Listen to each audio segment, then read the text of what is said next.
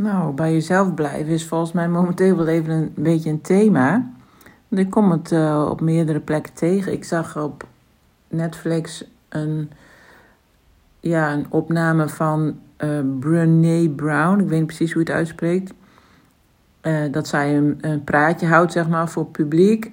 En zij heeft het heel vaak over kwetsbaarheid, of de kracht van kwetsbaarheid het gaat ook heel erg over bij jezelf blijven en dat daar ook kwetsbaarheid bij hoort.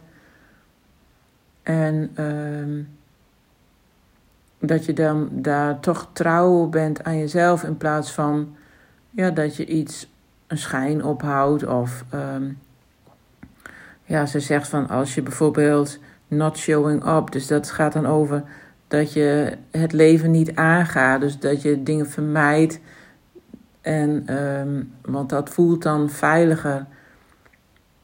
Terwijl je dan ook um, eigenlijk niet echt volledig leeft.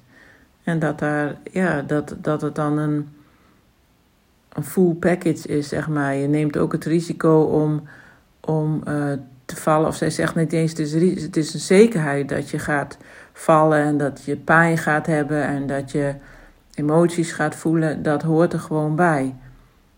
En dat is dus ook een onderdeel van jezelf zijn. Want als jij jezelf toont, um, ja, kan daarop gereageerd worden of, of kunnen er in je, vanuit jezelf emoties omhoog komen. Ja, eigenlijk, nou ja, zij zegt het natuurlijk allemaal vele malen mooier en, en heel komisch ook. Ze heeft heel veel humor bij, dus een leuke verhaal uit haar eigen leven. Ja, ik vond het erg leuk om er naar te kijken. En uh, ik lees ook een boek van uh, Anita Moriani. Uh, dat heet Ik moest doodgaan om mezelf te genezen. Nou, dat boek zou eigenlijk iedereen moeten lezen, denk ik. Als je geïnteresseerd bent in hoe blijf ik bij mezelf en wat is dat eigenlijk en hoe weet ik dan uh, wat ik wil enzovoort. Dat gaat niet, het is niet alleen maar geschreven voor mensen, want zij had, heeft dan kanker gehad en ze is daarvan uh, genezen door een bijna doodervaring. Maar daar, het is niet geschreven voor, voor mensen met kanker die willen genezen. Het gaat heel erg over hoe zij leerde van, als je het hebt over human design begrippen, zou je kunnen zeggen van hoe, hoe is, ze, is ze verschoven van haar niet-zelf naar haarzelf. Dus het, het, gaat heel erg over dat zij eerder altijd overal bang voor was en overal haar best voor deed en zich aanpaste en haar kwetsbaarheid juist niet toonde en zichzelf ook eigenlijk niet was. Hè? Naar uh, dat ze nu zichzelf is en dat ze weet ook wat dat dan inhoudt, hoe ze dat kan doen, hoe ze steeds weer uh, vanuit situaties die ze tegenkomt, steeds weer terug kan gaan naar zichzelf en zich weer af kan stemmen op zichzelf. En dat die angsten die ze eerder had, dat die eigenlijk allemaal daardoor verdwenen zijn.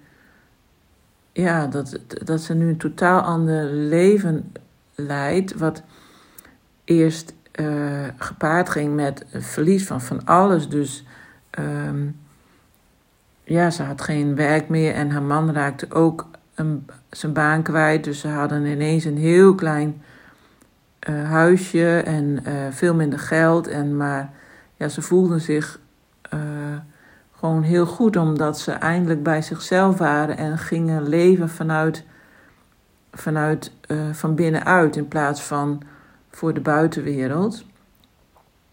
Ja, het is, een, het is een heel mooi boek. Ik heb hem nog niet uit. Uh, ik heb hem ooit al eens eerder gelezen, maar het, lijkt alsof ik hem voor het eerst lees. Want ik denk dat ik zelf heel erg ben veranderd, of dat weet ik wel zeker, want ik lees het nu totaal anders.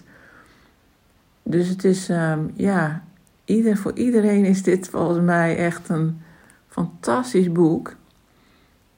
Ja, dus dat, dat gaat dus ook heel erg over bij jezelf zijn en en soms dingen wel zeggen en soms niet. Vooral vanuit uh, hoe het van binnen voelt. Voelt het goed om het te doen of niet? En, en, en zet je jezelf daarbij centraal of uh, de ander?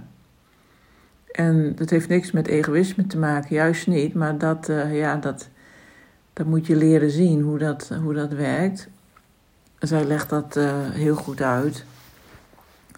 Ja, het is, ik kan er nog wel een hele review aan toevoegen, maar je moet het gewoon lezen. Het is prachtig.